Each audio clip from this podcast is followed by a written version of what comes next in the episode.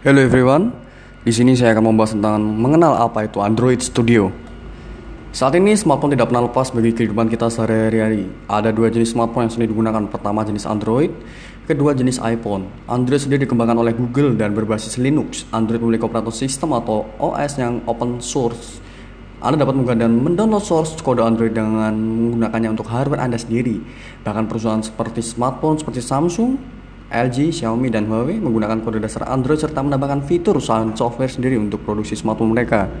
Untuk sejarahnya sendiri, pertama kali muncul Android Inc. merupakan sebuah perusahaan software kecil yang didirikan pada bulan Oktober 2003 di Palo Alto, California, USA.